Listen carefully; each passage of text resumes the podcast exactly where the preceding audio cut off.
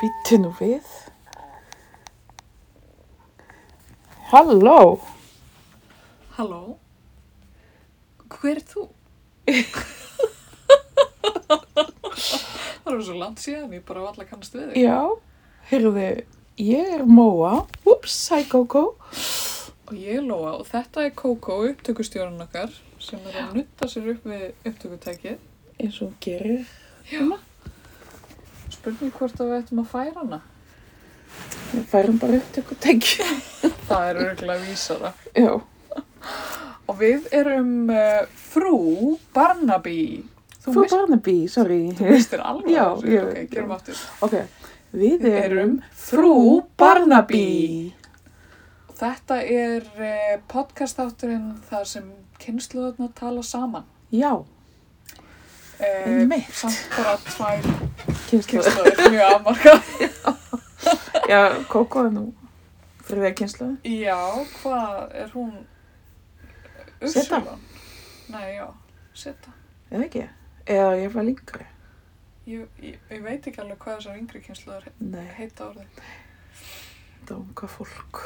Já, unga fólki í dag. Ha. Já, En þetta er uh, jóla, sérstakur jólaþáttur. Já, við ætlum að heyra ykkur með okkur um jólinn.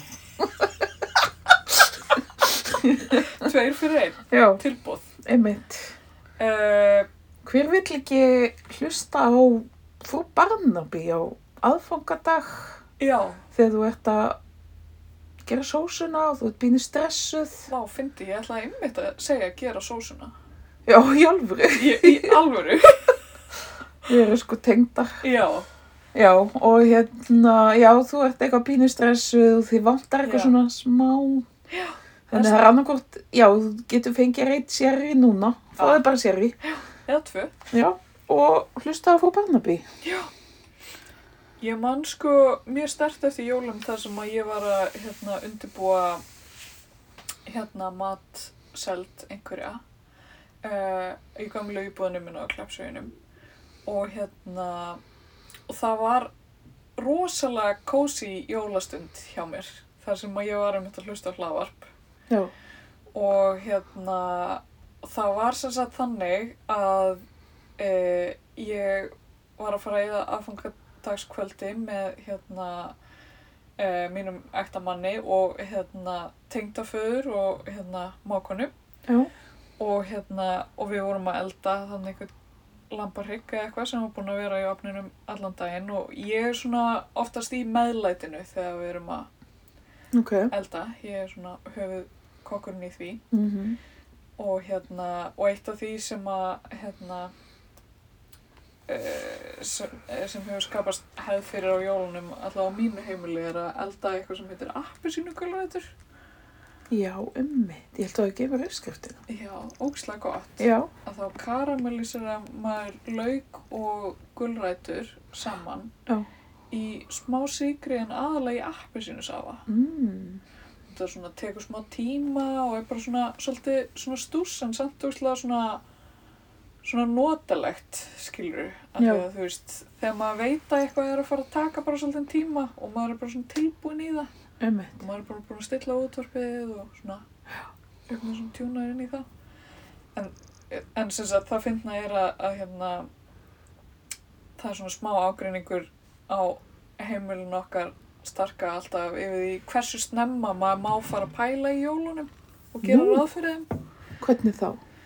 af því að mér finnst mér finnst eins og ég hafi meira ánægja að því að ef að ég byrjuð að pæla í þú veist hvað fólk á að fá í jólagjöf og, og svona eitthvað gera einhverja ráðstafanir svona aðeins fyrr Ummið. til þess að maður sé svona aðeins fyrrbúna þú veist Já. gera allt Já. og hérna en starka finnst eitthvað óþægilegt að hérna að byrja of snemma Ó. sko Já.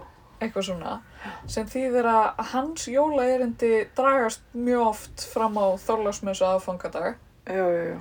uh, Allt of seint, segir mín kynsluð. já, það er það er ósengt sko og hérna en sem sagt þennan aðfangadag þegar ég var hann í eldhúsinu einn heima að gera appisinu gulrætur að eiga bara þessa fullkomnu jólastund með sjálfur mér Já, að hlusta á, held ég, mjög langt viðtal við Stephen Fry. oh my god. Svo skemmtilegt. Mér líður svo vel bara við að heyra nafnið hans. Já. Og hérna, og sem sagt, Siggi, tengdapappi og, og Starki hafði farið hérna út í jólaumferðina Mm. að, Oh, að skuttla pökkum. og hvað, jólaumferðin, ég bara meika hann ekki. Nei, og hérna, og Siggi tengdapappi, hann er endar ennþá verið enn Starki. Ég, Já, ok, hann er svona, já. hérna, aðfangandags morgun maður. Já, smá sko. Ekki segja neinum. Nei, nei, En hérna, ekki segja neinum, Nei, nákvæmlega.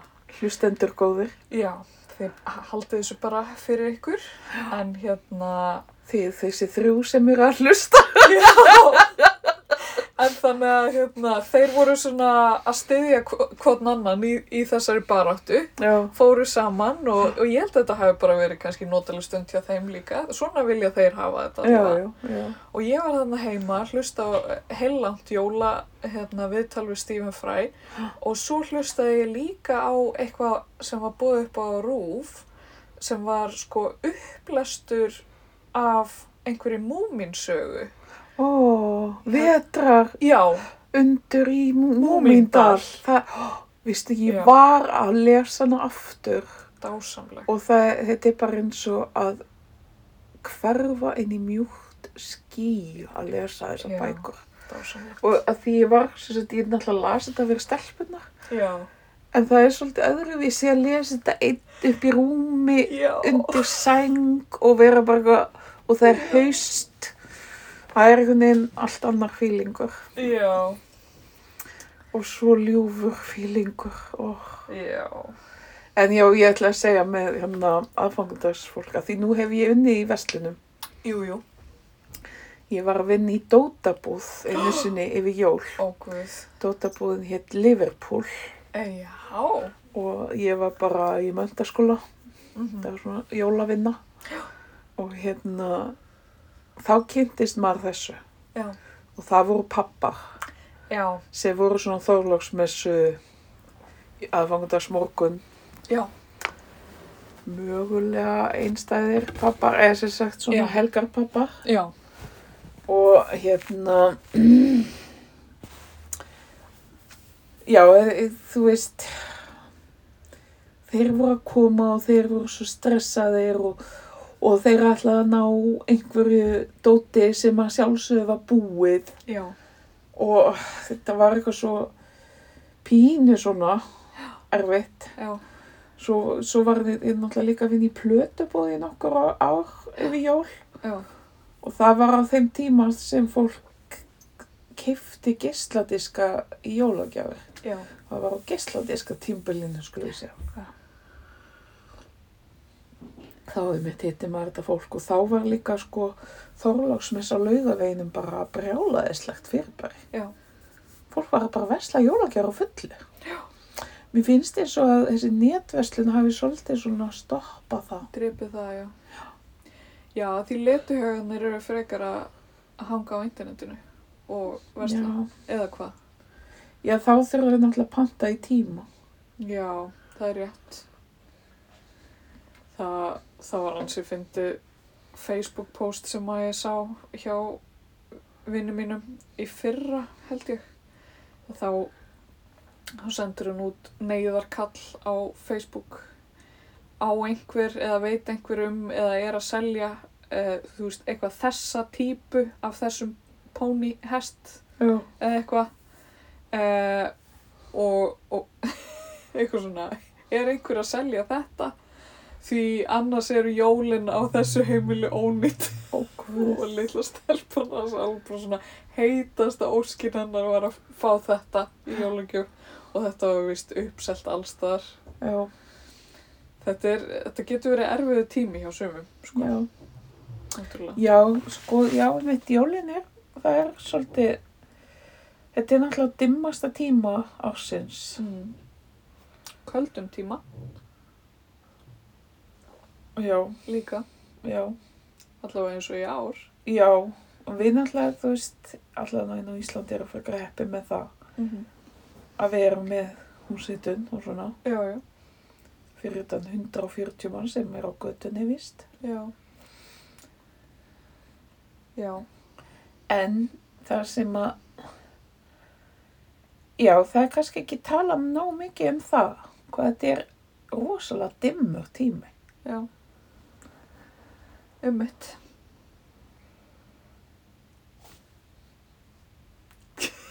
Hvað þýðir þetta? Viltu skipta sæti eða? Nei. Nei, ég er góð. Ég, ég þarf eiginlega að sitja á mínum stað, annars rugglast ég þá fyrir ég að halda að ég sé þú. Já, ok. Mm. Þú, verður þú þá móa? Já. Það verður áhugavert að vera það. Við getum pröfað hlutverkaskipti. Mm. Æ, ég veit ekki hvort að ég get leikið nóg vel. Hérðu, talandi um það. Mér lókaði svolítið til að tala um áhrifvalda. Ok. Gerðu það. Þetta er mér hugleikið. Ok.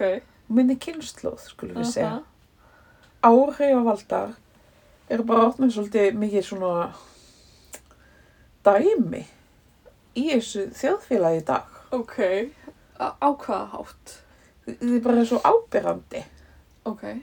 Það er náttúrulega þeirra starf að vera ábyrrandi. Jú.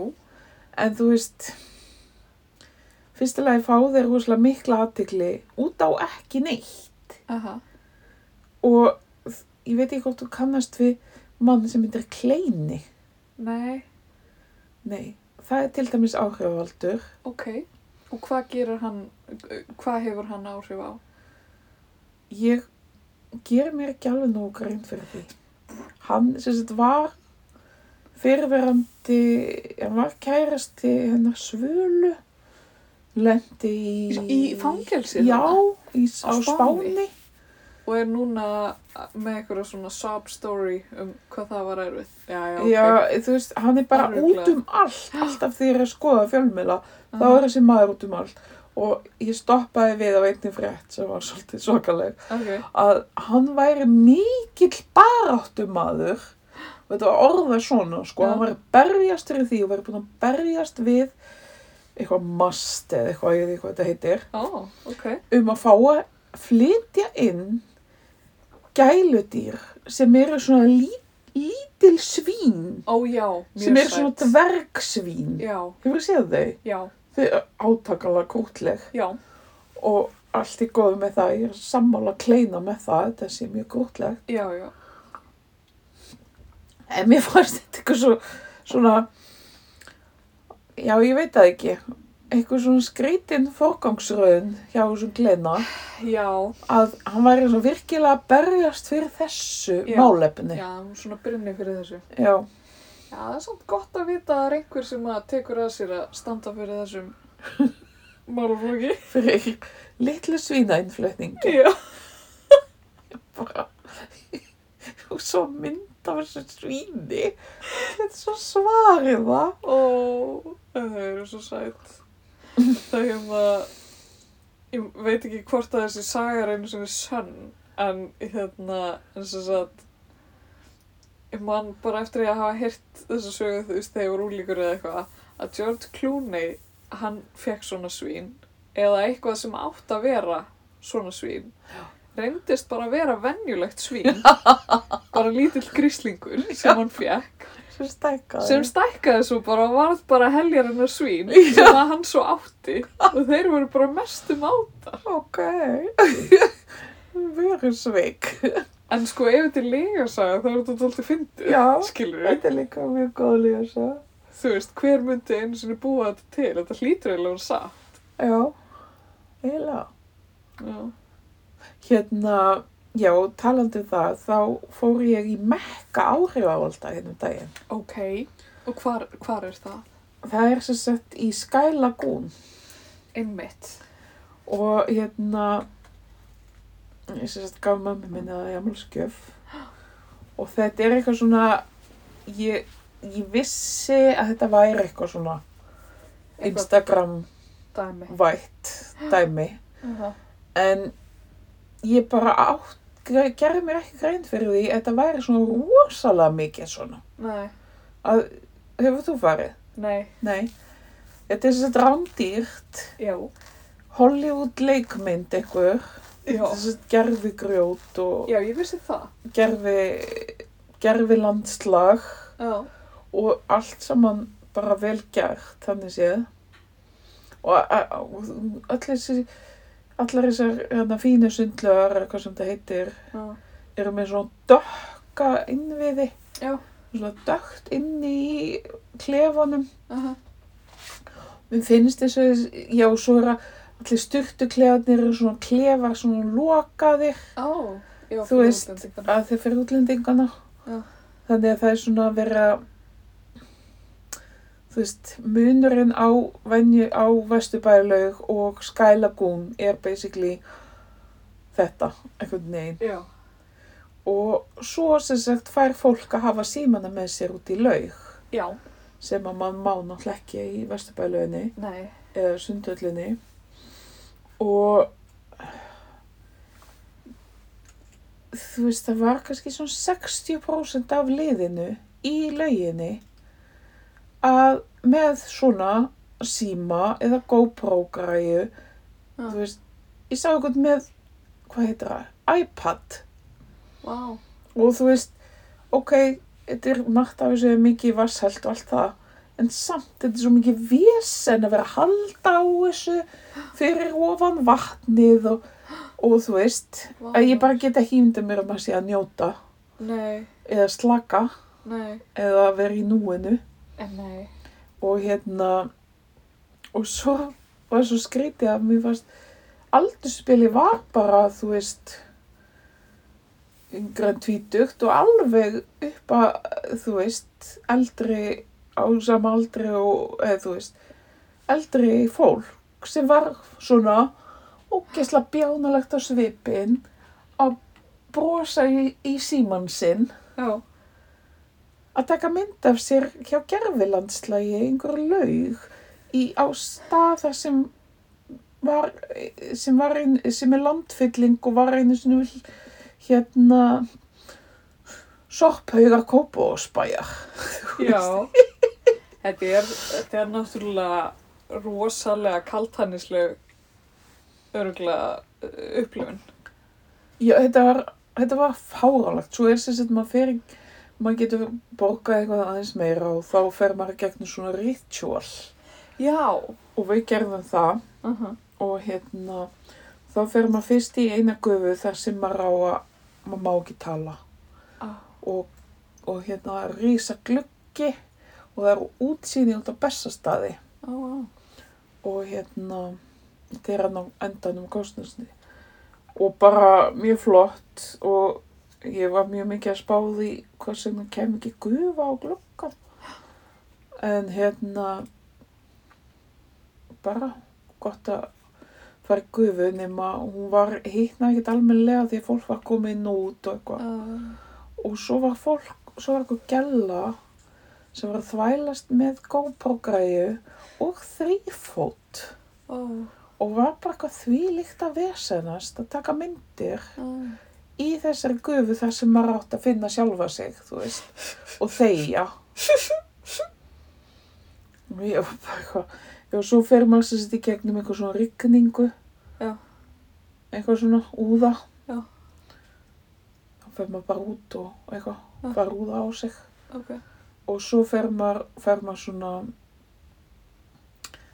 hérna, hvað heitir það svona sigurmaska Ok, sem er eiginlega bara sigur og grólia Já. sem maður svona raspar sig með eitthvað ok.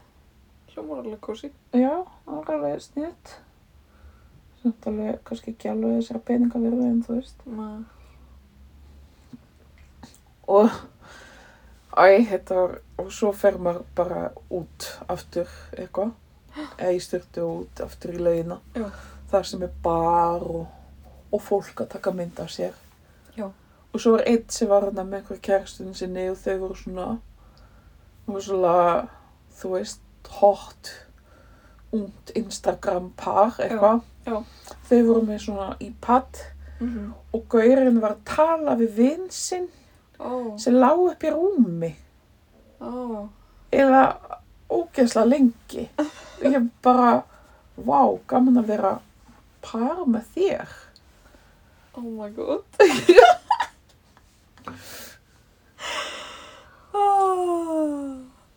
Þessi þáttur er ekki sponsoraður af Skylagoon. Nei, Það er svo satt bottom line-ið. Já, nei en það sem mér er svo skrítið að þetta er svona, þú veist, þetta er eitthvað svona gerfi veröld Já. og það er verið að, og þessir, s- hana, áhrifaldar, er að sponsora alla þessa gerfi veröld og skæla gún vill bara fá endalaust að einhverjum, Já. þú veist, ölsingum þannig, Já. en ég veit það ekki, ég veit ekki eins og hvað ég er að hugsa um. Nei. En mér, þetta var bara kjánalegt fannst mér. Já. Þetta er bara svona langt frá því að vera það sem þetta þarf að vera, eða þú veist, á þetta ekki að vera slökun. Ég, ég held ekki miða við lýsingarnar, Nei, skilur Þetta hlýtur eiginlega bara að vera til þess að taka myndir af sér í. já, Eða þú veist. Uh,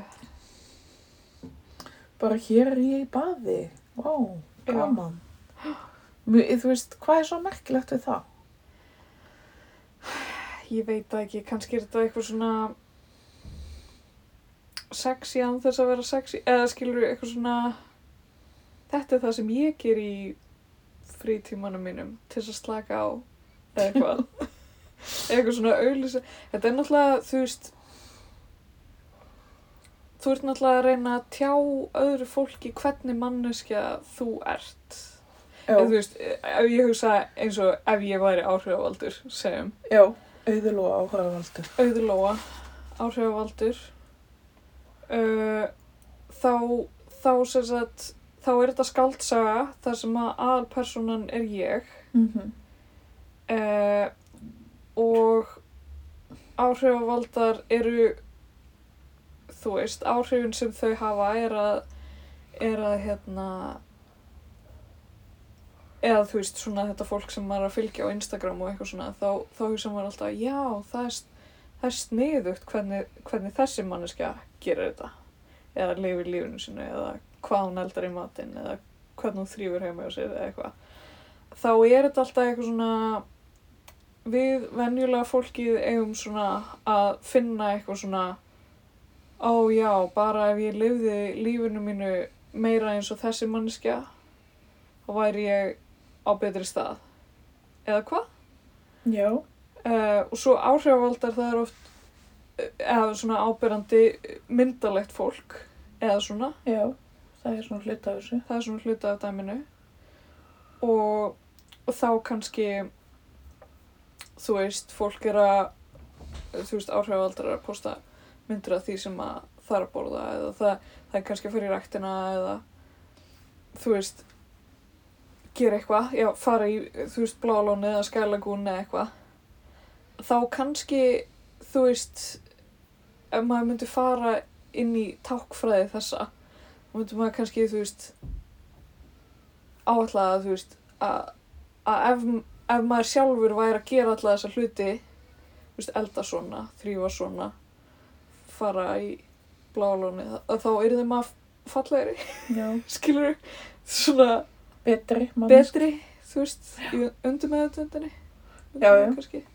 Já, þeir, þeir, og það er talað um það og ég get ímyndað mér að skælokun maður sér alveg þeir að auglýsa en þeir eru örgulega að spara geggjað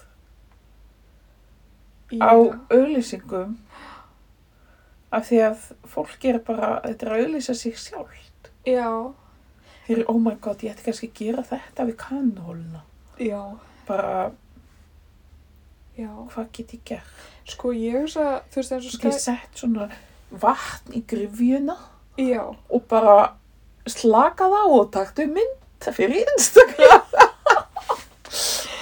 já, eða einhvern svona plöntuvegg sem að, þú veist, fólk geti tekið mynd af sér við Já, eða eitthvað. Nei, þú veist, en svo er líka eins og skælagún, ég get alveg ímynda mér að, þú veist, skælagún sé að borga fólki, þú veist, einhverjum áhrif, þekktum áhrifavöldum bara fyrir að fara í skælagún. já, eða þú veist allavega að bjóða þeim ókipis og þú veist eitthvað svona já, já. Örgla. Þau, þau buðu okkur ekki ákipis. nei, Við erum ekki áhrifaldar. Einmitt. En þú getur kannski pröfað að hafa samband við einhverja áhrifavalda og bjóða þeim ókipis bækur. I have tried. Nei, djók. Ég veit það ekki, ég er ekki markarsfræðingur. Nei, maður þarf greinlega að læra eitthvað smá emitt í þessu. Ef maður ætlar að reyka fyrirtæki í dag. Já, allavega ef maður er alltaf að mala gull, sko. Það er ekkert mála að reyka fyrirtæki. Nei, nei. Þú er alveg gert að, eh, vel eða illa. Já, já. já, en svo það er minn minnst bara líka svo ábyrrandi, þú veist, emið þetta fólk og sumir áhrifaldar eru bara að hanga heima hjá sér og opna pakka með alls konar dóti Já, sem þeir eru að auðlýsa já, og gera ekkert annað einhvern veginn og þau eru ekkert merkilegt fyrir neitt annað nei, nei. en að vera þessi manneskja sem að er heima hjá sér og opna pakka. En talandi um fólk sem að kannski er ekkert voðalega merkilegt í grunninn uh, nema út af út af stöðu þeirra í samfélaginu hvað getur þú sagt mér um Harry og Meghan þess að þaðana? Úlala, er það stórmálin? Já, ég held sko að díunu hodnið okkar sé hægt og rólega að breytast í Harry og Meghan hodnið Harry og Meghan hodnið Hýði Lóa. Ok, Jesus. ok, díunu hodnið Já. Ekki um mjög enthúsiastik, en ok. Já, Harry og Meghan. Úff. En við þurfum líka að tala smá um krán, þannig að þú Já. veist, það er ágætt að taka þetta saman. Já, það er mikið efni hér fyrir höndum. Já. Uh, Harry og Meghan, hvað er að frétta af þeim þessa dagana? Já, það er gaman að þið skulu spurja. Þau eru búin að gera raunveruleika þátt. Um sjálfa sig. Já. Ok, uh, ég er búin að horfa á alla þrjá. Já. Um, ég bara, ég veit ekki hvað ég get sagt. Þau, hérna, já, Vi, við skulum byrja á því að segja hérna, frú Barnaby hefur alltaf verið stuðningsmaður uh, Harry og Meghan til þessa, eða meir og minna, já, við, við gerum nú sérstaklega Megxit þá. Megxit þátt. Þið og- getið endilega kíkt á sögun okkar, sko. Já, já, við, hérna, við reykum það. Þið þið Reykjavík getið nota allt þetta. jólafrið í þetta. Já, já, já, já, það er næg, eh, nóga efni. Mm Uh, og Þau eru svo kallar áhrifavaldar. þau eru það og eru að að kassa inn svolítið af ímynd sinni. Já. En ég menna, svo sem, hvaðan ættu þau að gera, skilur, maður lá- láir þeim það ekkert, sko. En, uh, en sem sagt, við, við höfum hingað til verið frekar hliðhald þeim og af því að maður veit nú að konusfjölskyldan er kannski svolítið svona disfunksional Já. og hérna hefur haft svona samúð með þessum karakterum Já. uh, sem að hafa svona hinga til maður er svona upplýðaðu svolítið utangars Já. Og- en, en sem sagt það sem maður sér núna frá þeim uh, frá því þau yfirgáðu fjölskylduna Já. er bara alltaf að verða yfirgengilara og yfirgengilara eða finnst þið það ekki? Mér finnst þetta að vera, svo ég núti slettu, mér finnst þetta að vera rúslega skitsó. Já, Þetta er bara svona, ég veit það ekki, ég finnst, mér finnst þetta, mér finnst þetta einhvern veginn, þetta bara ber ekki saman einhvern veginn. nei, Og þú veist, mér finnst þau einhvern veginn setja sig bæði að rúslega háan hest, finnst, finnast þau bara að vera svo miklu betri en hinnir, en á sama tíma en hinnir í fjölskyldunni þeir að segja já, og á sama tíma eru þau álasa fólk já, á, og svona, svona benda fingrum og, já, og svona og svo og svo er maður að heyra alls konar frá fjölmjölum um að þau séu svona hins eginn og Mhm. eitthvað og svo er það hitt að þau eru svo rosalega mikil fórnarlömb já, og einhvern veginn og ég veit það ekki man, mér finnst, það er svolítið erfitt einhvern veginn að finna til með þeim en finnast og að því þá þarf maður líka að hugsa já, þau eru betri en hinnir já, að ég veit það ekki mér finnst þetta ekki þetta bara virkar ekki ef þetta verður starffræðdæmi þá bara gengið það ekki upp nei. Og maður kannski líka, og kannski ránglega, upplýði það að þau voru orðin kannski svolítið þreytt á sviðsljósinu. Einmitt, þau, Af því- þau, þau sögðu það Já, og, þ- og af því að hérna, af því að fjölmiðlar væru svo mikið að hérna, ráðast á Megan til dæmis og allt það já, þá á maður svolítið bátt með að skilja akkur þau get ekki sko þá nýtt einmitt þetta tækifæri til þess að taka smá svona baksæti já, á fjölmiðlafárið en í staðin eru þau bara að pródúsera bara þau eru einhvern veginn að fæða skrimslið já, þau eru bara að búa til sinna einn raunveruleika þátt bara, já, og sko þátturinn er fjallar um þau algjörlega frá þeirra sjónarhóttni og einhverju vini er að viðtöl og svona Mhm. og þessi fyrstu þrjú þættir er um kannski forsöguna má segja, æskuna og allt þetta jú, jú, og og þetta fyrir að varða pínulítið skrítið já, þegar hún fyrir að tala um föðu sinn jú, Megan Já. ok, að því að það er eitthvað rosalega furðulegt sem gerðist með hann já, er hérna- hann að fyrir brúköpið segir hún eitthvað meira frá því að því ég var nú alltaf svolítið áhuga sem um já sko, hún það drama sem sko. sagt hérna þau talast ekki við eða- Þau voru bara, hún var mikil pappastelpa og eitthvað svona og þau voru fráskilin og, já, en þú veist, þau voru góðu sambandi já, og hann basically er kvikmyndager, er kvikmyndatökumæður já, og ég held að svona gegnum hann fyrir hann gegn, í hennar bransa svolítið. Já. Um, en hérna, en þú veist og svo átti hann að koma þarna yfir jólin, nei yfir, yfir jólin, í brúkupið. Já. En svo bara eitthvað nokkur dögum áður manstu þá var þetta eitthvað rosa dæmi, það var bara eitthvað fæ, eru þau bara eitthvað að tala við hann í SMS-i og hann svarar ekki símanum Ah, þá var hann búin að fá hjartaáfallið eitthvað nú og þau ná einhver sambandi við neitt og, og þú veist já og það er eitthvað svona geggja vesen í fjölskyldunni hennar líka Mm, að þess að hún og hálsistur já, sem að fyrir að segja alls konar hluti um hana ok, í fjölmiðla ok og þessi hálsistur hennar á dóttur Já.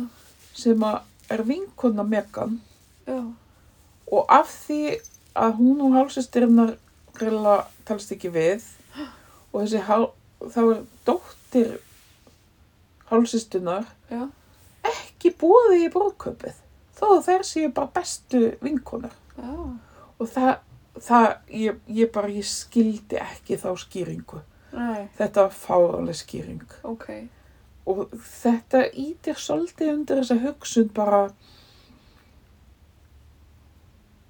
þú veist að það var einhvern veginn þú veist þessa hugsun að það er einhvern veginn ekki allt í með, hvað segir maður, með feldu já, það er ekki allt með feldu sko hvernig þetta allt saman ber að ah, og þú veist þau segja eitt fjölmiðlar segja eitthvað alls konar já, en þú veist um, og fjölskyldan mm, segir annað já, og, og þú veist og svo er þetta allt brenglað og eitthvað svona fram og tilbaka já, og maður finnir bara að þeir eru svo rosalega á endur með því já, að og þú veist að því að, að það er greið eitthvað bara eitthvað að já, þú veist það þarf einhvern mjög góðan fjölskyldusalfræðing í þetta já þetta er náttúrulega stór furðulegt allt saman Og þau eru í rauninni með þessu og ég sérstaklega geti ímynda mér að næstu þrýr þættir séu svolítið bara svona brenna brýra baki sér já, gagvart fjölskyldunni allavega. já og þau voru nú búin að gera nóg af því í þessu ópra viðtali Já, og, og maður er svolítið að spá svona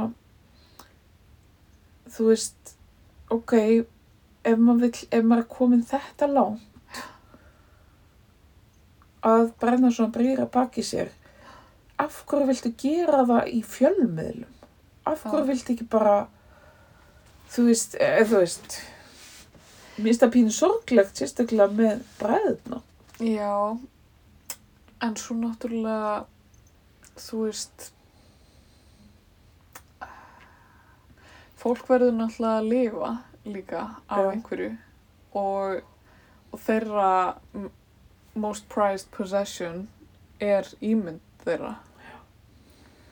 Þú veist, þannig að ég meina þau eru ekki að fara að vinna í Marks og Spencer, eða skilur þú veist, hvað, hvað eiga þau að gera annað en að selja áfram þessa sögu skilur, þú veist, það er svona smá hinpóllin en þú veist, ég á samt rosa erfitt með að kynkja því að við eigum endalaust að vera vorkinnaði já, það, mér finnst það maður er eitthvað svona, ok, já leiðilegt við, við maður vorkenna þeim svo eigum, eigum við að þykja þau vera rosalega góða því að þau já, eru í alls konar hérna, hana, góðgerða það góðgerðardóti sem náttúrulega konu fjölskyldan er líka í já, en eh, ég bara, að ég veit það ekki þið, þið, þið, ég eins og ég segi, mér finnst þetta bara ekki ganga neitt upp og mér finnst eins og þessi þessi að vera að fórna því þú veist ég meina þrátt fyrir allt eru Vilhjálmur og Harry bræður já, alveg upp við þennan harmleik sem að já, þú veist já, já. ég minna, ég get ekki ímynda mér ég minna bara, þú veist dættu mínar eða eitthvað, já. allt í einu. nei, einmitt það það er að vera eitthvað mikið að- og, og þú veist, það er ekki eftir að kenna einhvern veginn fjölmiðlum um allt sem miður fer í Nei. þessu nei, nei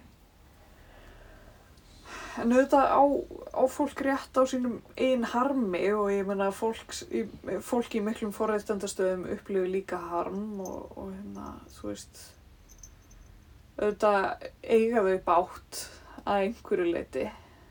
En ég held að við sem áhorfendur sko séum kannski búin að fá smá nóga þessu. já, svolítið komið gott bara sá umfjöllun eitthvað um þetta hérna í fréttablaðinum daginn Já.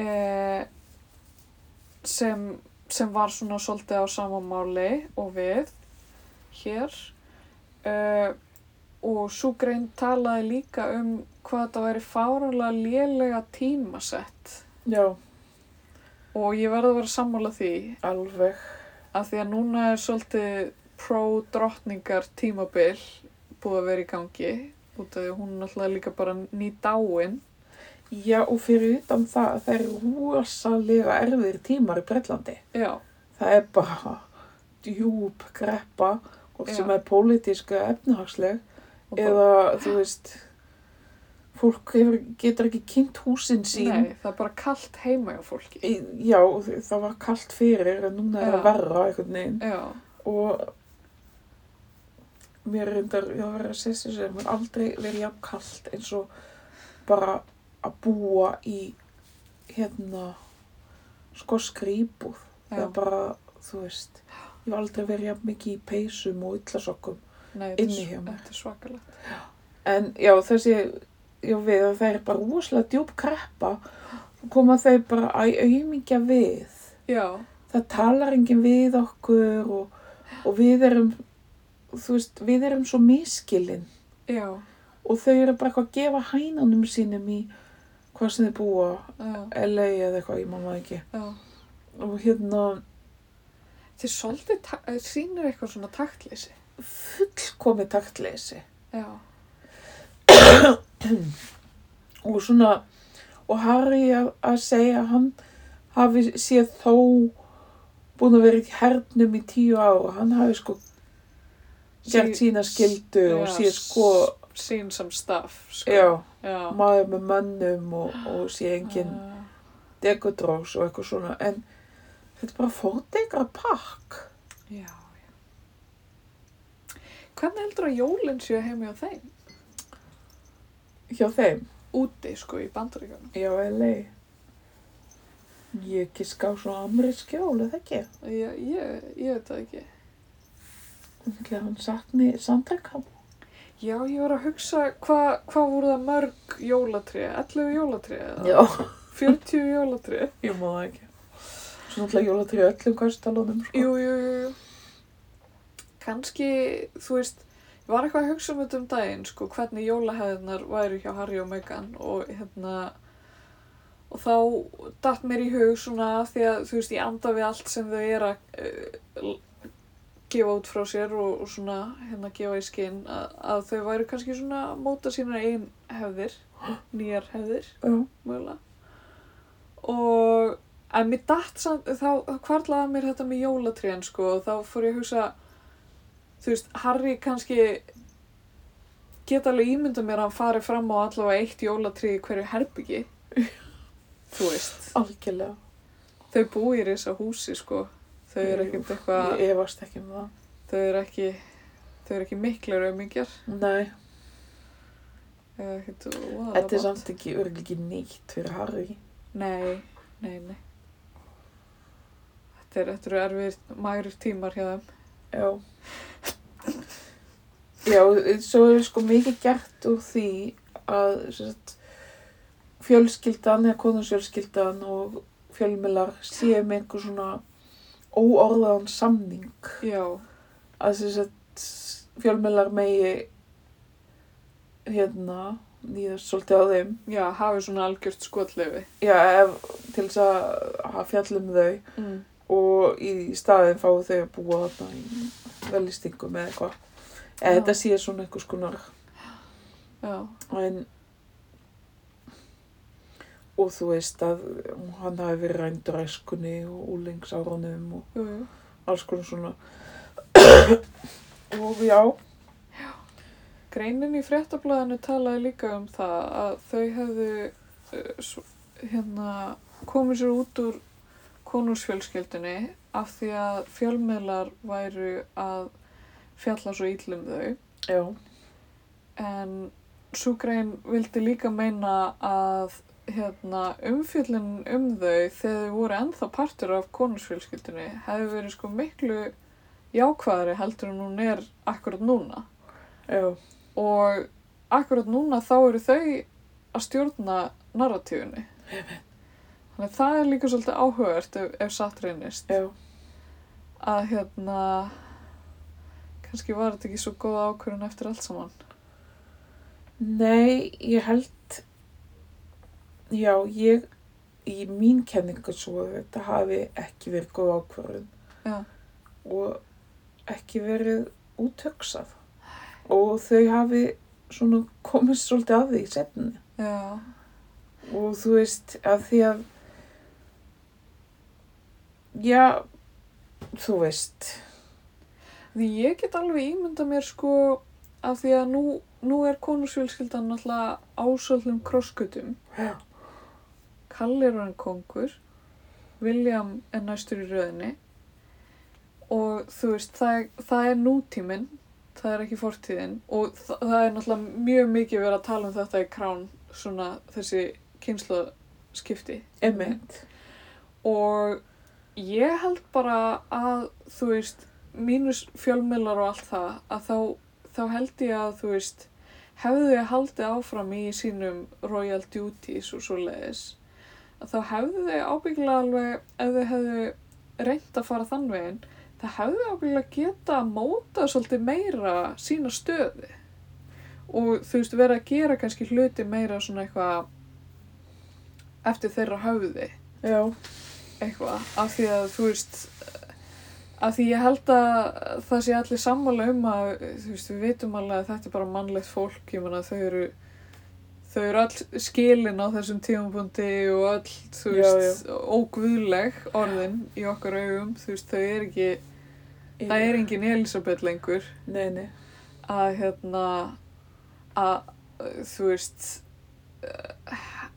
að hérna díalógunum myndi svona aðeins breytast í tengslu við konusfjölskylduna og þú veist allir myndu bara geta horst í augu við þetta að þú veist þetta er bara fólk og eitthvað að, að þannig að þú veist ég get ímynda mér að, að Harry og Meghan þú veist með með traustu og velvilja hérna konusfjölskyldunar hefði alveg bara geta gert flóta hluti ef þau Já. hefði viljað það sko. Einmitt.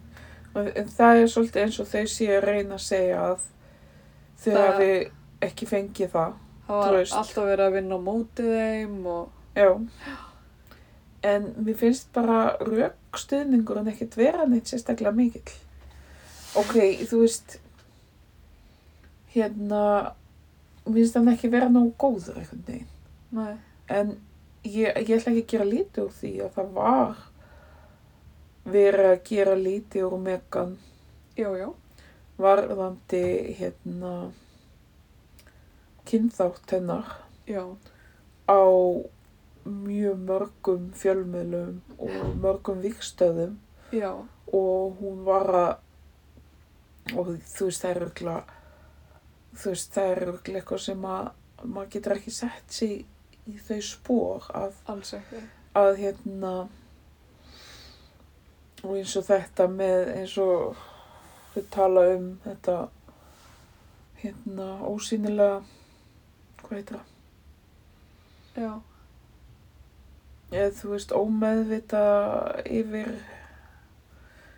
Svona microaggressions. nei. að vera ómeðvitar um manns eigin forréttindi Já, jú. Já. Vissulega. uh, sem að hérna gagvart kyn neyð eða Já. hérna Þegar húðleitið öðru. Já, sem maður gera mér alveg grein fyrir því en og þú veist þau eru alveg jafn mannleg og, og villi og kata og allt það en og kalli en eh, þau eru einhvern veginn samt ekki að fá fólk í lið með sér þó þau séu með sterkara Já. sterkari, hvað ég segja Svona sögu. Já. eða Narratífu. einhvern Já. veginn, Sem ámiklu meira við nútíman. Emmitt og, og fólk, ég held að mjög margir í Bretlandi hérna af öðrum kynþáttum og í Commonwealth voru bara mjög gladir Já. þegar Megan kom Já. og hugsuðu að þetta væru nýju tímar í konusjölskyldunni. Já, og, og þú veist, og konungsfjölskyldan og bara höllin er, þú veist, náttúrulega alveg svakalega hvítur staður. Ég Já. held að það sé bara mjög nýlega sem bara, s- þú veist, fólki að öðrum húðleitt hafi verið sko leift að vinna þar. Emmitt, Það er einhverju svona sjokk. já það var, það var algjörlega fáið, sjokking. hvort það var 70 eitthvað eða eitthvað. Já, það er bara mjög, mjög, mjög seint. Mjög stutt síðan. Þannig að þú veist, þetta er náttúrulega svakalega aftur á bak og hvað þá að fá meðlum inn í fjölskylduna sem að eru bara... já, sem smá eru, brún. sem þetta öðrum kynþætti og blönduð. Já, að því þau fá oft mjög verri í rauninni kynþáttafótdóma já, og þar fyrir utan er hún fráskilin mhm, og Bandarísk. leikona þú veist sem að ég veit það ekki jú, jú, í einhverju sjónastáttaröð já, sem getur alveg þótt eitthvað ekki fínt, ég veit það ekki mhm, en hérna já, eins og ég segi það, það er rosalega erfitt að, að hérna að sjá þau ekki sem fórnalömb en þau einhvern veginn þau fara bara ekki vel með það nei, einmitt, svo Já. skrítið, og sérstaklega finnst mér Harry vera bara á frekar vondum stað já, mann langar svolítið að ráðleikjunum að þú veist, hann þarf svolítið að fara að sleppa takinu á þessu. ég, þú veist, eða bara þú veist, þú ert fættur inn í þessa fjölskyldu þú veist, deal with it Og, og líka þar að horfast í auðvitað, þú veist, þau forréttindi sem hann hefur fengið að njóta, Nákvæmlega. þú veist, út af því að hann hefur verið prins, skilur við, Já, það er já, ekki já. bara ömurlega hittin einn. nákvæmlega og þú veist, elst upp við þvílík fórréttindi og það eina sem hann er að hugsa um er alltaf ég var að fá vernd Já, einhvern veginn einhvern svona öryggisvernd að ég veit það ekki Já. það, þú veist, mér finnst þess að þetta sé alls ekkit úthugsað og furðulegt Já, þetta er, maður veldur þessu fyrir sér, sko. En svo er líka, sko, ég, nú er ég ekki búin að horfa á þessa þætti og ég veit ekki hvort að ég hef bara orkuna í að horfa á þetta sem er skrítið út af því að þetta er svona náttúrulega mikið áhugamál. Mm. Ég bara veit ekki hvort ég nenni að horfa á þetta, að, en ég, horfða, ég og starkið horfum á trailerinn Já.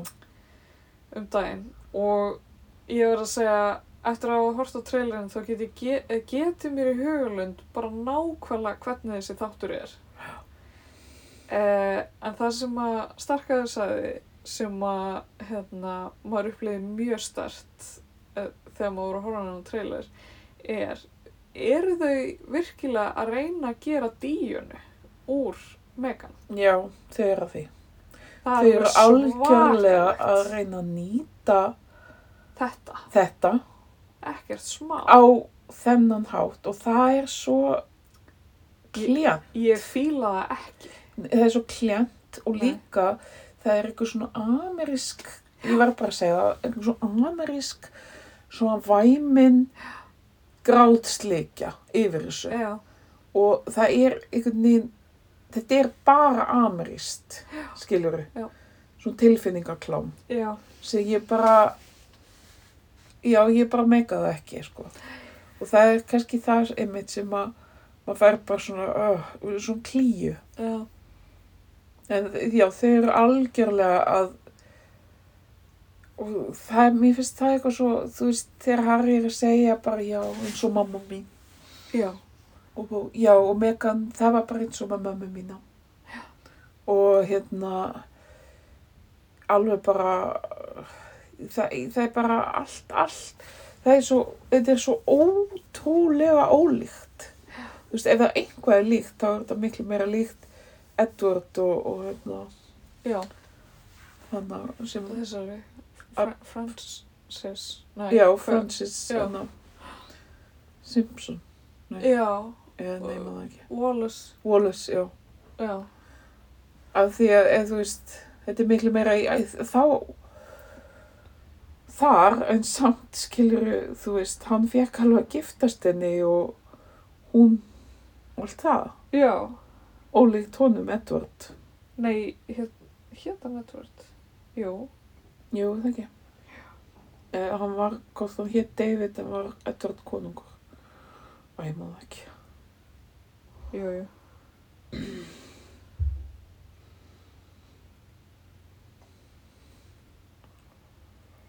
Já, það, eh, það, þannig, já, mér finnst það eiginlega nánast svolítið lúalegt. Og líka þessi skot á Vilhjálm. Já. Bróðu sinn.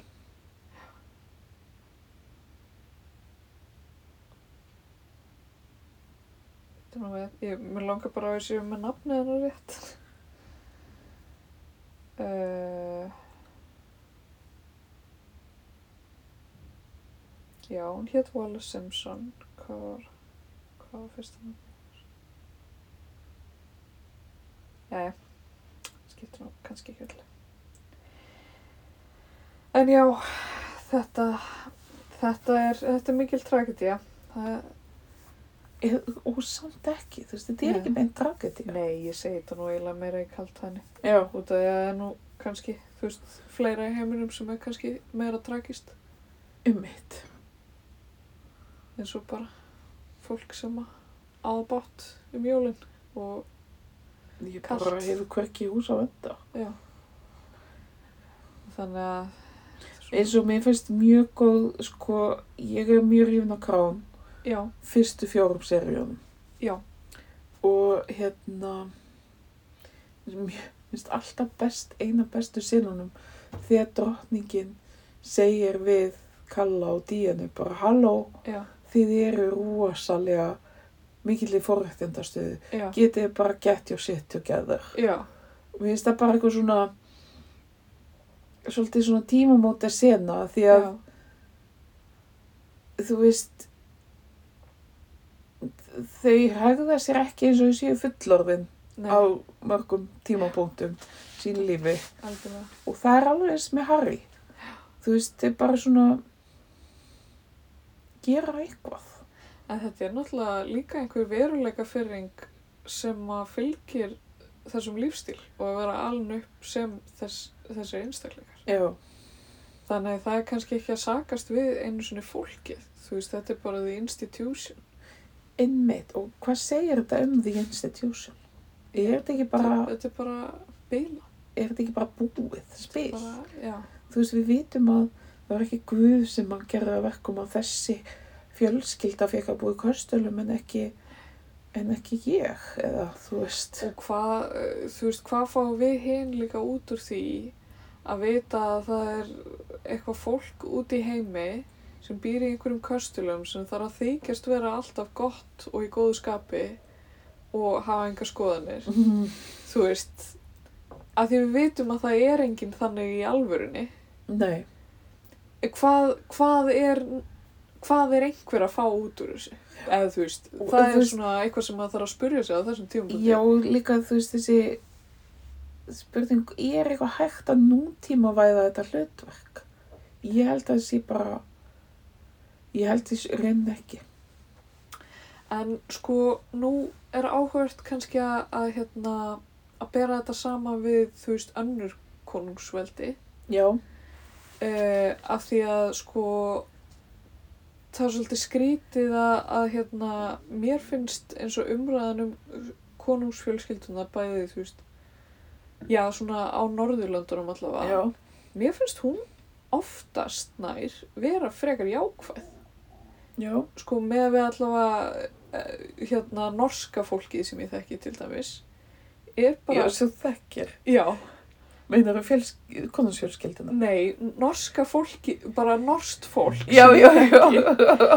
eh, er frekar pró-konungsfjölskyldan Já, og hérna og það er sem sagt eh, ein bara ein, ein af mínum bestu æsku vinkunum hérna hún er eh, gift norskum manni og hérna og það er að því að eh, fjölskyldan mín og fjölskyldan hennar við erum alltaf saman um árumótin og það er skapast hefð fyrir því að við horfum alltaf á hérna ávarp konungsins í Noregi vá, í alvöru. já Þetta er, þetta er ný frétt. Þetta er mjög skemmtilegt sport. Horfir þú á það? Já, bara svona, þú veist, maður kíkir á það. Við setjum Oh my god. Já. Og hérna, nema konungurinn í Noregi er bara að tala um nattræna hlínun og að við höfum að vera góð við hvort annað og, og hérna tala gegn kynþáttafordómum og bara eitthvað svona. Og ég veit það ekki. Mér finnst það bara eitthvað svona, það kann, kannski er fínt að hafa eitthvað svona óháðan aðila innan gæsalapa sem að bara er bara svona talsmaður góðra málstaða. Já, sko, Það er svo íslensk... Guðni Fossetti? Já, ég ætla að segja, íslenski fórsetin er basically það. já, Nefnum hann er kosin. já, satt. Þannig að, að því þú veist, hann hefur engin völd en hann, Nei, nei. hann hefur svona,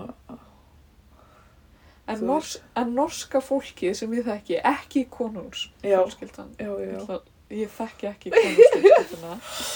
en hérna, en norska fólkið sem ég þekki, það, Ég er að segja nýja hlið á þér. já, ég þekki nefnilega mikið af norsku fólki. Það er eitthvað skrítið við norskt fólk, samt. Ég veit, Það er svo fyndið. þau, þau trú ekki á líf fyrir döðan. Nei. það er eitthvað sko og ég held að, uh, nú eru þetta fordómar, en allt norst fólk sem ég þekki er Þetta er eftirdóma og þú þekkir svo mikið að norsku fólki. Já, að það, það er skrítið á sama hátt, margt. Já. Það er eitthvað svona, maður er að tala saman og maður er eitthvað, já, þú ert rosa fín manneskja, en það er eitthvað skrítið við þig. Já, Svo kemst maður að því, já, hann, hann er frá er Nor- norskur. Hann er frá Noregi. já, nú skil ég. Þú veist, Þetta er svona fólk sem að fer endalaust á skýði. já.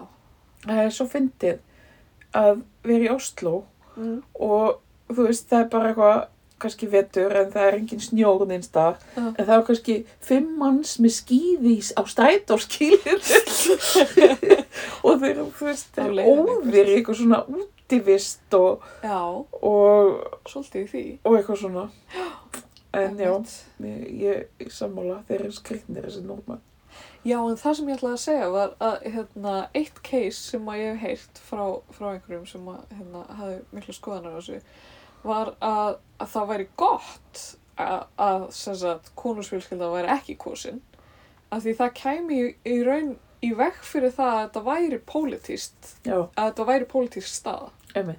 þannig það er, þú veist, út af fyrir sig kannski svolítið áhugavert Já, en sko ég var um þetta að horfa á þátt á BBC í gær Já. sem fjallaði um bræðuna og fjölmiðla. Ég vekenni það, ég er kannski svolítið mikið áhuga á þessu. Já, já en hérna, að ég reynda að horfa smá, ekki allan, allan þáttin, en þegar við erum að tala um einmitt að þessi konungsfjölskylda breska, hún Já. hefur ákveðin sérstakann sess Já. í heiminum vegna þess að hún fyrsta lagi er hún var hún konungsfjölskylda yfir heimsveldi Já, heimsveldi og náttúrulega. Mhm. er ennþá með ég veit ekki hvað mörg lönd undir sínum hatti eða Mhm. sinni krónu mm. og hérna þannig að þú veist þetta er þetta er einhvern veginn sagan þú veist Já. alltaf mikið af erfiðum tilfinningum tengdar uh, þessu konungsvöld já og svo þú veist þessi konungsfjölskylda hókstaflega er seg fyrir svo mikið af vestu glæpum gegn mannkininu já, sem hægt er að hugsa sér þrælahald Já. rosalega, það var reyndar að tala um það í Megan og Harry þáttunum já, ok þannig að þeir bara þú veist, og allt svona fullt af svona sínt fullt af listaverkum sem eru í hóða höllinni Já. þú veist, myndir af þrælum styttur af þrælum já, svo tala nú ekki um sko, þú veist þetta á við um allar þessar hallir og, og institutions og líka bara sko listasöfnin í heiminum Já, og, já, já. og bara, bara alls konar eitthvað svona- listasafnið í Bretlandi eru verst hvað þetta var það já, og reyndar í Fraklandi líka en þú veist, en sko bæði varðandi stuld á, á listmunum já, sko, tökum það fyrir utan dæmið, en líka bara það að- að svona svona dót, þú veist, bara tökum eins og konungshallinnar eða allavega listasöfnin eru svo að svo miklu leiti til byggð á peningum sem fengust úr eh, þú veist, sigur já ræktun á nýlendunum bara úr auðlindum þeirra allavega. Já, og, og hérna sölu á, á fólki. Já. Þannig að, þú veist, það er kannski svolítið erfitt verkefni að gera þetta að einhverju svona mannlóðar. já, einmitt ég er svolítið svona, Svona, þú veist, þegar verið að mála upp þessa stofnun sem bara já, þau fara á 3000 hérna appointments á ári í góðgerastörf og klippa Já. borða og, og segja bara, með þykir vænt um ykkur eða eitthvað svona er það nóg? N- ég er að spá, þú veist þ- þ- glæpir þessara stopnunar sem slíkar eru svo yfirdrefnir að þú veist og ég ætla ekki að segja að það sé ekki um það er að sjálfsögðu hægt að segja það um hinar konusjölskyldunar en það er Jú, jú. ekki jafn átakalegt það Nei. mikið eða svona Nei. víðáttum mikil Nei. og en, þú- fyrir utan það eins og þú veist nú sem fyrirrandi starfsmaður þjóðmunnsafsins Jú, jú. að þá er þjóðmunnsafs Danmarkur Já, með helling af íslenskum munum jú, jú. og sumir vera sem þeir lána okkur Ó. mér finnst það sko þá lowest of the low bara, já þessi stóll er á í láni frá þjóðmunnsafni Danmarkur Guð. en var reyndar alltaf á Íslandi Guð hvað við erum heppin að Danir skulu vilja lána okkur þetta. já, bara takk Og það eru sko, það eru alls konar munir til dæmis í Bretlandi hérna eins og hérna The Elgin Marbles sem Já. er svona risa lámynd frá Greiklandi já sem að var bara tekin sko utan af einhverju hofi í Greiklandi í heilu lagi Já. flutt í hérna, þú veist, The Royal Museum eða the British Museum, eitthvað, bla, til bla.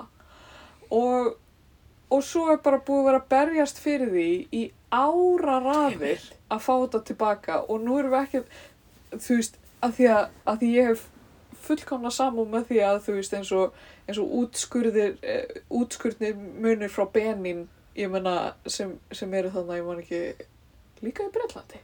Æ, ég man það ekki Þetta var allt í sallandi. sem er, þú veist, verið að berjast fyrir að fá tilbaka, þú veist, bara, já, gerum það, skilur við, en, þú veist, við erum að tala um Greikland getur ekki einu sinni fengið, Nei, þú veist, sína arflega heim til sín. Einmitt. Íslandingar getur ekki einu sinni fengið stólinn sinn frá Danmörku, eða skilur við, þú veist, það er eitthvað svona,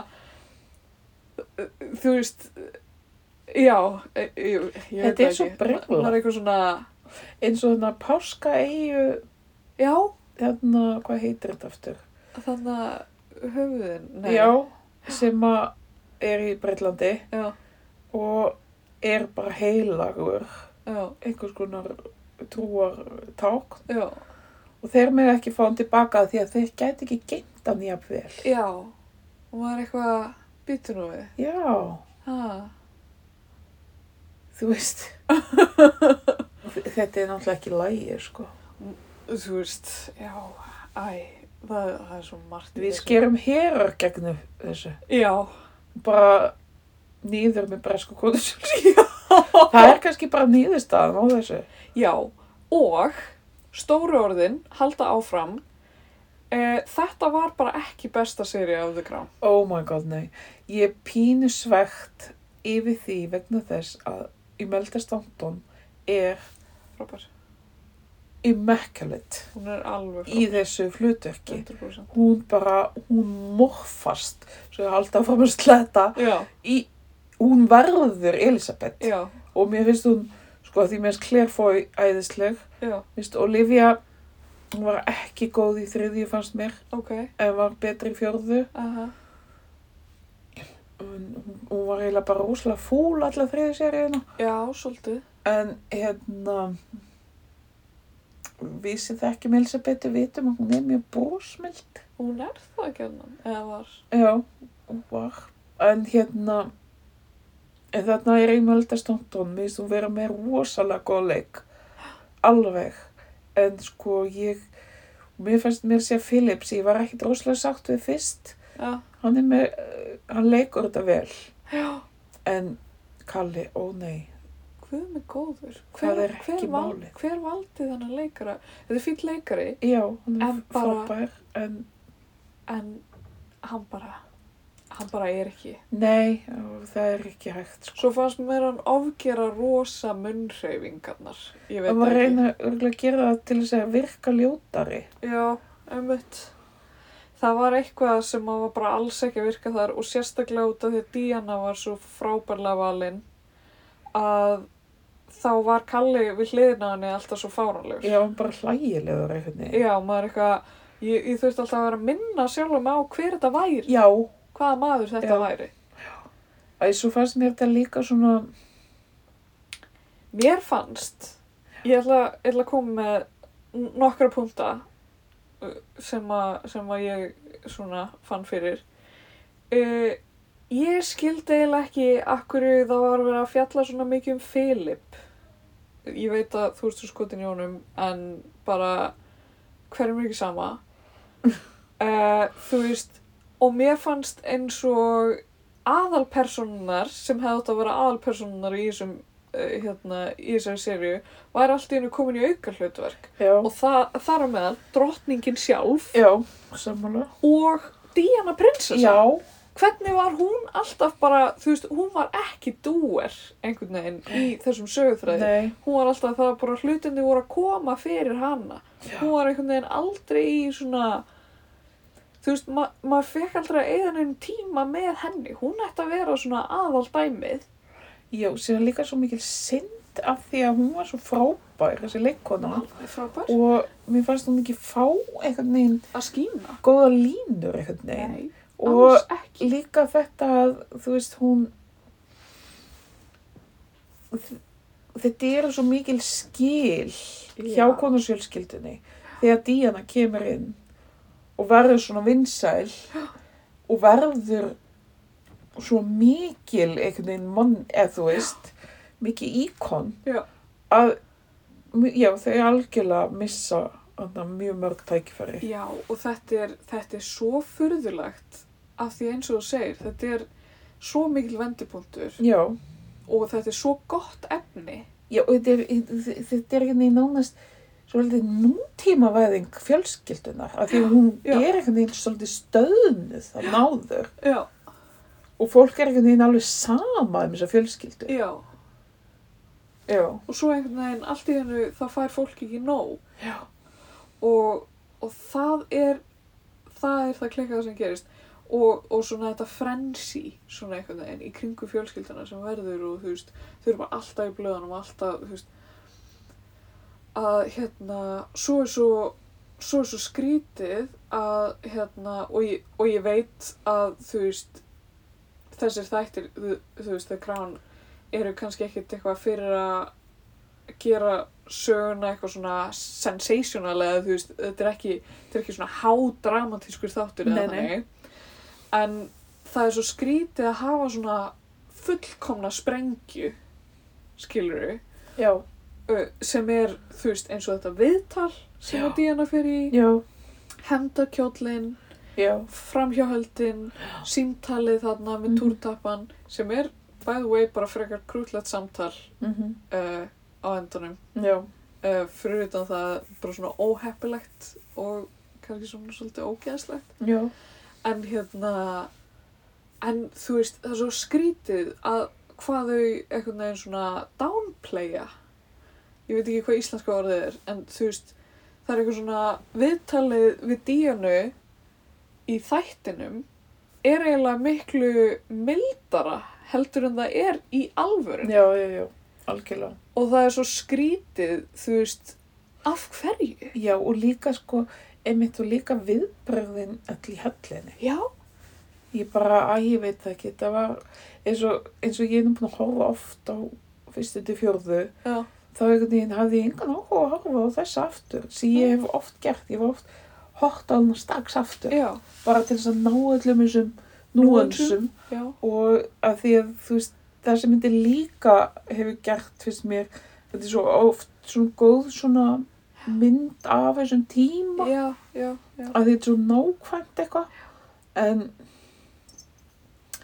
mér finnst þér ekki, nei, ná Nei, og, og þeir- líka þessi margrétarsaga þarna, já, ég veit það ekki það var eitthvað pínuglata svo líka bara eitthvað þú veist æ, sorry, þú veist þurfum við að vita eitthvað mikið um Dóti Alfayet var hann ekki bara einhver ykkur sem að þú veist eitthvað ég meina Já. hann er ekkert merkilegi þú veist út af því að hann var með díunu í bílnum þegar hann dó skilur nei, nei, Hún er bara eitthvað bóitói, fattaru.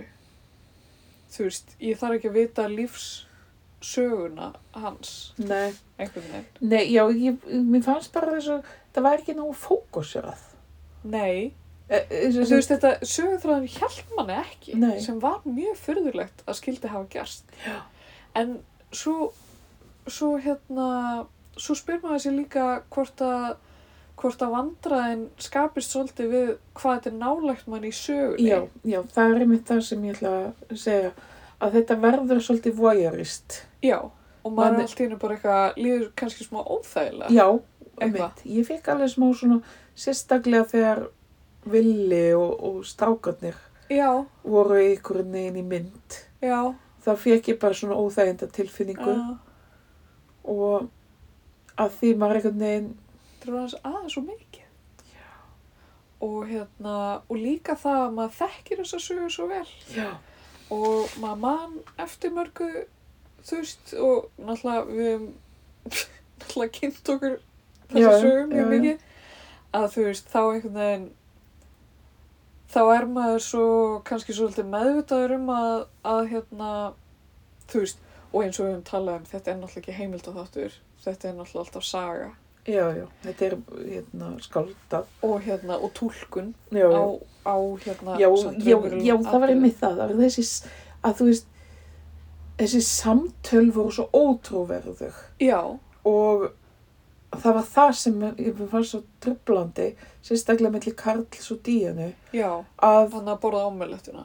já, Já, einmitt, nákvæmlega það sem ég var að hugsa, já, að auðvitað er þetta skaldað og en maður bara einhvern veginn, mér fannst þetta bara allt svo ótrúverðugt já. að ég bara, ok, Já, þessi sería gerði eitthvað sem að hinna seríuna gerði allavega ekki og þú veist, og ég fílaði það ekki en þú veist, þetta var kannski eitthvað svona listrænt tilbræð nei, stílbræð að hérna, að þetta var svo miklu meira túlkun já, og, uh, og þú veist, ekki kannski eitthvað svona byggt á alveg, þú veist, við heldum að þetta sé það sem gerðist.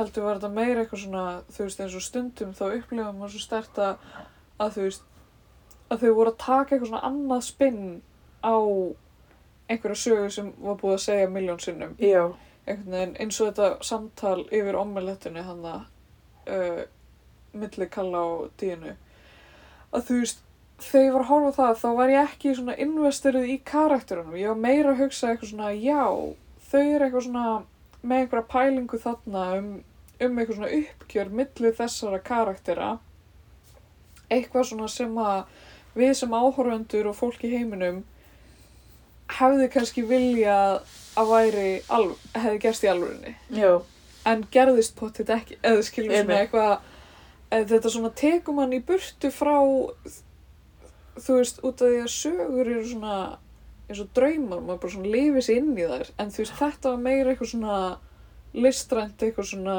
það var eitthvað svona já, verið að taka eitthvað svona annan sjónarhól á Er ekki svolítið svona að Atburði. vera að stýra manni?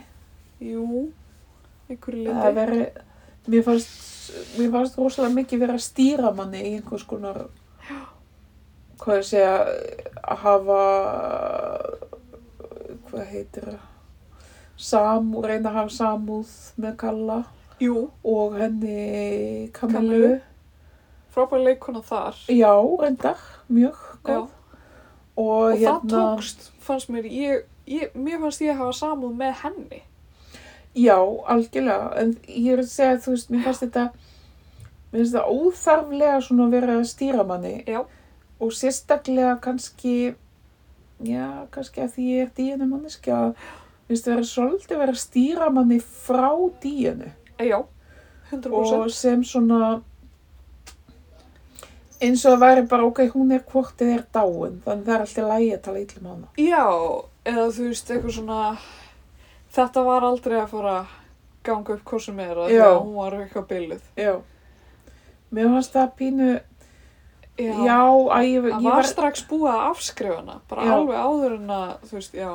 já, já, það og hérna, og líka kannski uh, þáttagerðar fólk í smá klemmu af því ég get ímynda mér að það sé svolítið mitt erfitt eins og við tölum um með tímasetninguna á þessum raunveruleika þætti Harry og Meghan já.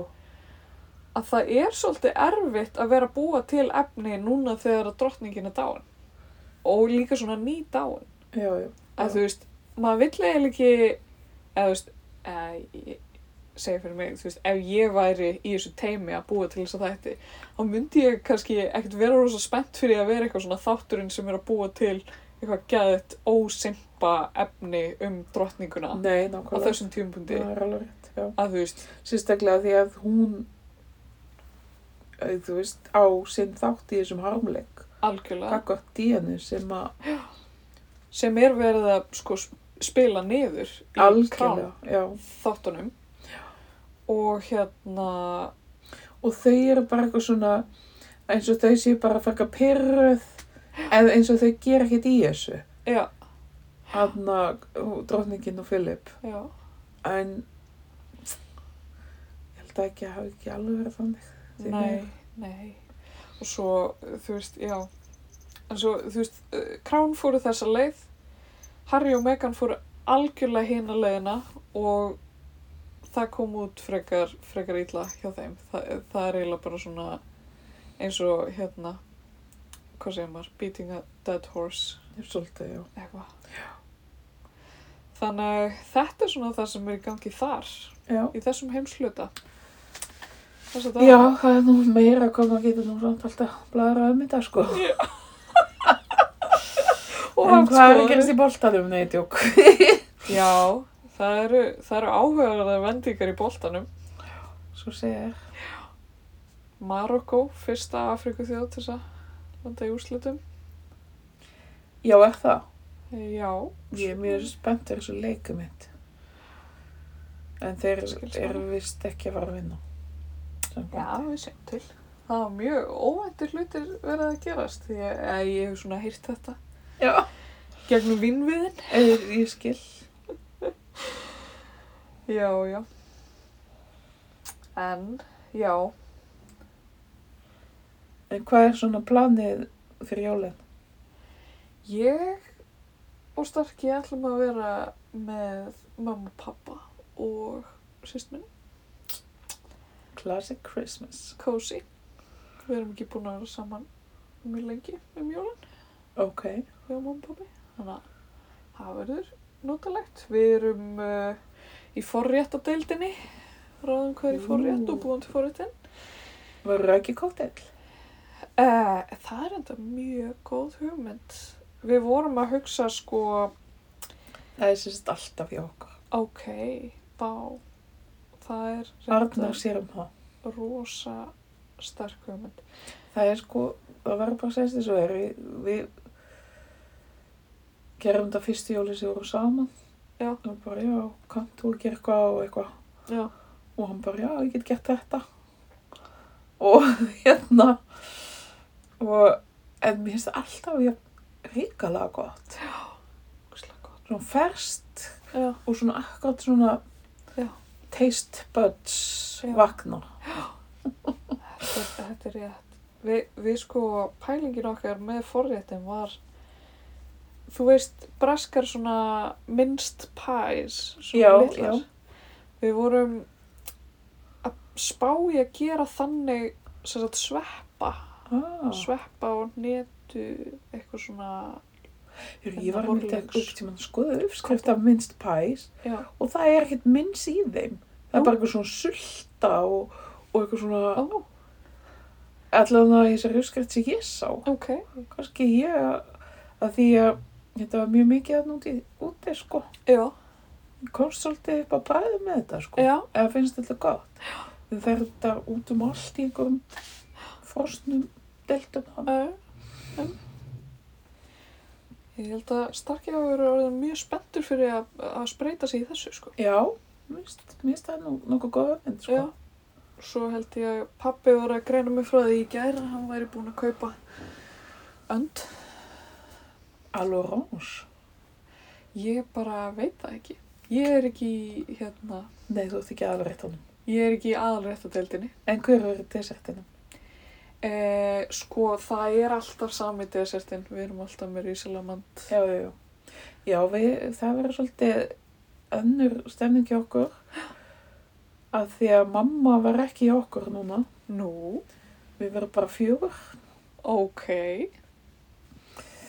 Þannig að hún hefur alltaf búið til Rísalamandið, sko. Ah, Og, og Arnar gert forréttin og, og ég alréttin. aha. Þannig að ég veit ekki. En, En stundum, sko, eins og við vorum úti, þá var ég með mús og sjokola í... Og einu sinni bjóði til mús og sjokola með svona black and green sjokolaði. Með svona peipaminni. ah, ó. Black and green. Ógeðslega gott. Ah, En það kemur bara í ljós. já, Við ætlum bara að vera róleg þessi jólin. já. Næs. Já. Já, við vonum bara að þið ætli líka að hafa rólegt, kæru hlustendur frú Barnaby.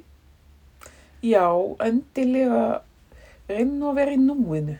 Já, Vi, við mælum með því já, og þið þurfi ekki að taka sjálfa af ykkur allstaðar. nei. Emmitt, við skulum bara, bara hafa það hugfast. Og þú veist, áhrifaldar, Þumall, niður, já, smá já, Megan og Harry. Það ræðist svona á næstu árum held ég. Ég held að þau, eh, sérstaklega Harry, þurfi sérstaklega einhverja intense þerapíu.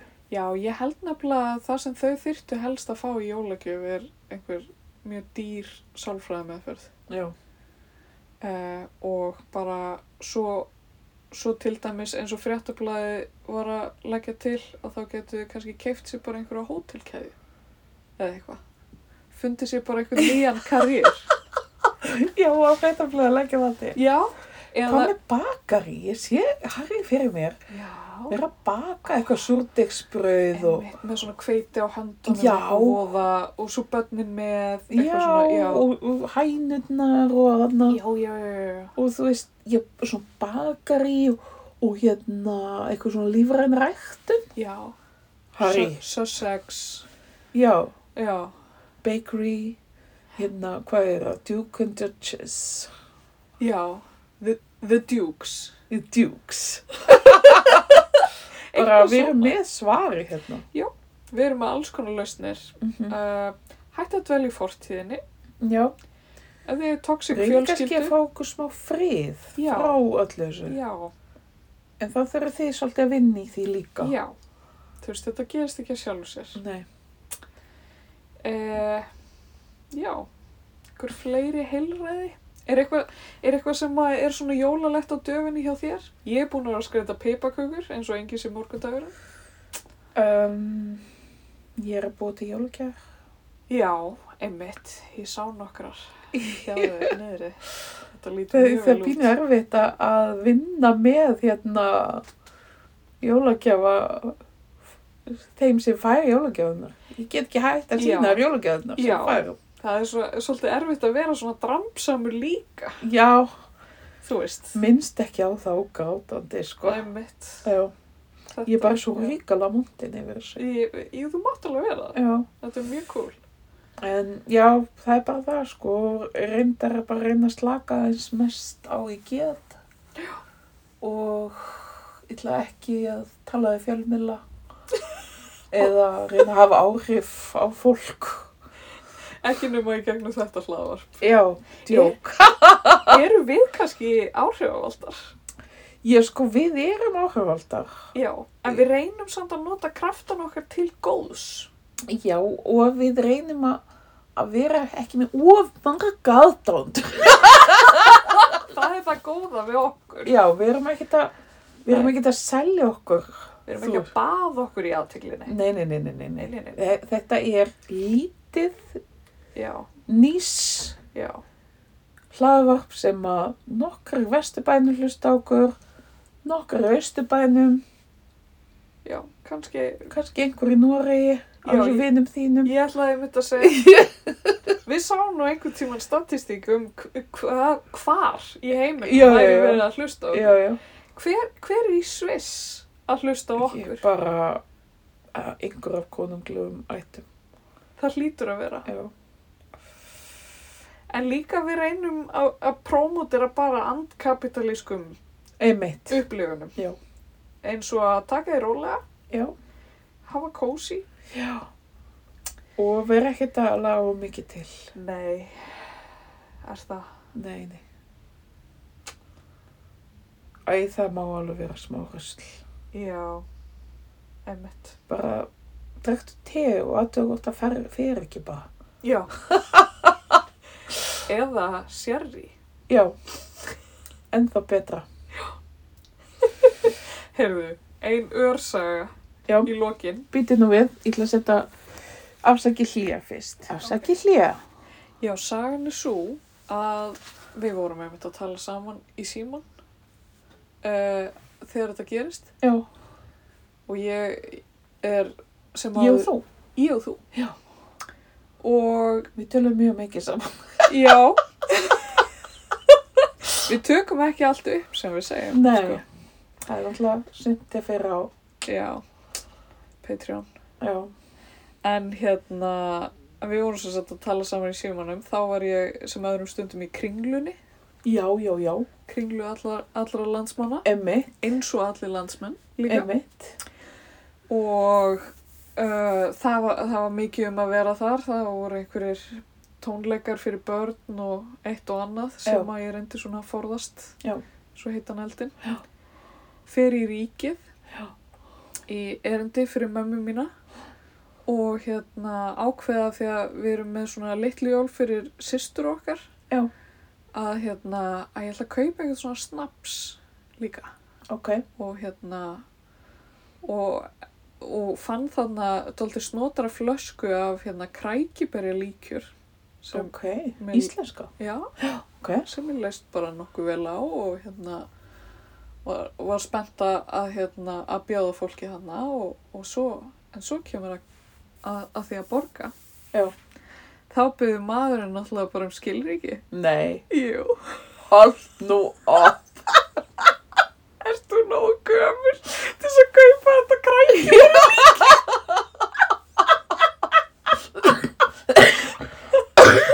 að því maður myndi einmitt kaup sér krækibera líkjur ef maður var undir aldri,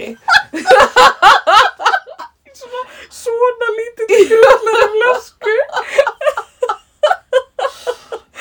það er mjög dásamlega, Já, þetta fannst mér bara voðalega notalegt. og sagði ekki bara takk fyrir, Ég sagði bara, hvað, má ég fá símanúmerið? made my day, já, Æ, já, já, já, já. Þannig að þetta var svona lítið jólakraftaverk þarna sem, sem átti sér stað. Að það var einhver, einhver maður þarna sem held að ég væri undir tvítugu, mögulega, að seilast í snapsin. Þetta, já, þetta var mjög skemmtilegt.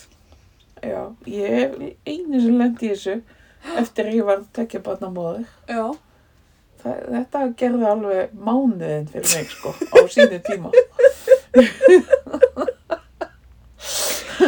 æj, já. Nú En, er, ég, já, nú er ég aðeins að hugsa tilbaka að við vorum með svo metnaða fulla hérna, aðvendudagsgrá í fyrra í þættinu. Manst eftir því? Nei, hún var ekki metnaða full, en hún var samt mjög kósi. já, við bökum. við bökuðum og við vorum að föndra, Já, við einmitt. vorum með föndurstund. Já.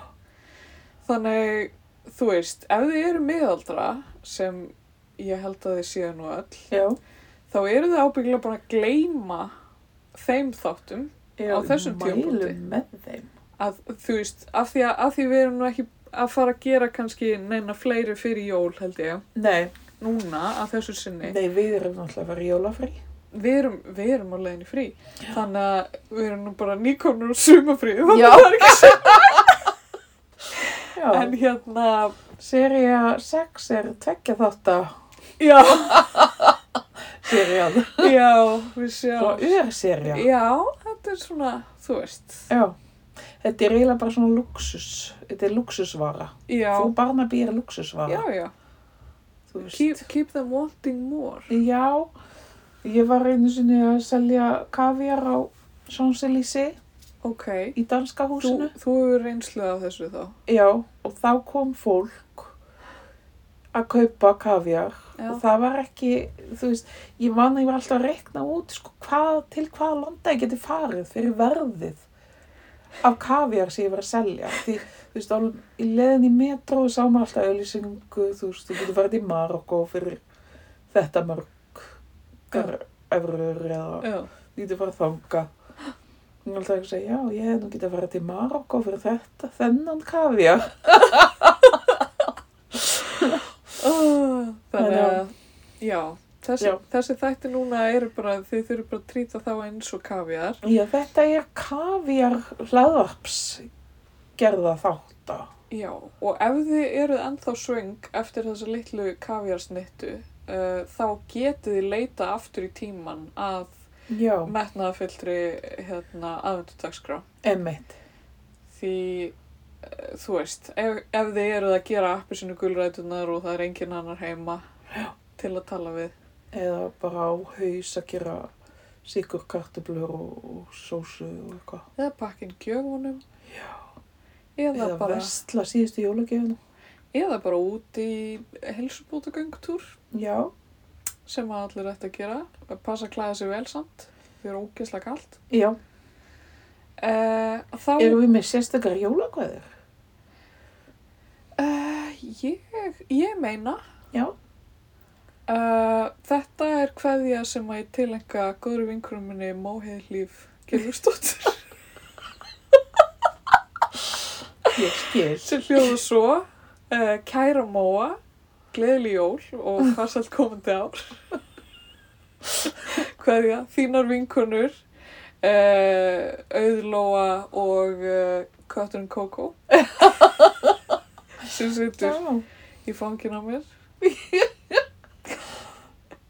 býst. ok, ég, ég er líka með nokkrar. Ok, Fyrsta er til auðalóu, ok. Guðnadóttur. Mm. Bara, ég bara vona að þú eigir sem gleðilegust jól og með fjölskyldu og, og vinnum frá Ok. Nóri. og við Kókó og hér á Stange munum örgla tala við þig yfir jólið. Ok, það er gott að vita því. Nú svo láka mig til þess að óska öllum hérna viðmælundum okkar, Já, sérstaklega sem hafa gert sér ferðhinga í stúdíóið. heldur betur. Gunnar Óli og, og Eggert í Postnan og Auður Jör, Auði Jörjó. Lóa, Hjáltís. Já, sem er nú þvílíkt verðlauna höfundjar núna. Já, allir að, allir að kaupa bókina hennar. Já, og Hvetjum ykkur til þess. býtu Mattias Já, Áslaug var sérstaka, sérstaka jólakveðu. já, sigur brúnaða hvað ég. Jólastjarnan okkar, skærasta. Býtu nú við og hverju voru fleiri? Aron, Já, Aron, hann Já. er örugglega á haus í jólabakstri. Við Já. varum að skreita pipakökum með honum í gær. Emmett, Eh. ósalega er hann duglegur. Já. Og já, býtu nú við og Sko, ef við erum að gleyma einhverjum þá er það kannski svolítið leðilegt en við meinum ekki dýlt með því, við erum bara svo gamlar. já, Arnar, Eggert Hefur verið Ástí, gestur. ástísána? og Ástís, já. Ég held að þetta sé upptalið. Já, gott ef ekki sko. bara innilega jólakveður til ykkar og, og allra, Og, og hlustendur. já, sérstaklega, bara sérstakar jólakveður til ykkar. Já. Og, og svo, eh, svo kannski jólakveður til sko viðmælenda sem við höfum verið að reyna við en ekki náði þáttinn eða bara ekki, Ína ekki- við. já, sko. Það ekki, er ekki svolítið svona, ekki búin að ná þeim alveg, Nei. en þú veist. Þetta er að gerast eh, og hérna, við hlökkum bara til að fá ykkur Já, og hérna, við erum ekki búin að gleyma ykkur. og já, við lúðum að næsta serið verði mögulega aðeins lengri. Ég hver veit, hver Já. veit hvað gerist í framtíðinni. Kannski kampavín og kafjar. En, en við lofum engu. Nei, við lofum engu. Hæ? Nei, við hálflofum. Já. Já. Jónalíf, glemtum Já, Aðalstjarnar okkar. já, gleyli jól, Jónar Líf. Hálfnafna mín. Við erum örgulega að gleyma svo góðu fólki, það er alveg glata. Já, Já, já, við þurfum að lega með því. já, Herðu, þá Heyrðu. segjum við það bara, já, Bili. trú. Já, og lag. við endum náttúrulega alltaf á lagi, þú manst það, ha? Já, ég, ég myndi það. Já, þú, Þáttur að vera eldarkíslaði hérna. þetta er standard teimi á mér líka. Nú, ég held að þetta var Wrap your present svona prívat. to Já, your fyrir okkur. darling. ok. Ég, ég hugsa mikið til Arnars þegar þetta lag. Ó, Pretty pets. viltu senda hún í jólakveð? To ride. Ég, ég var búin á því en en það er svona jólakoss. Ó, Pretty face. Pretty revolves along Love you. No, no. crowded streets. Busy feet. Það var svo gott lag.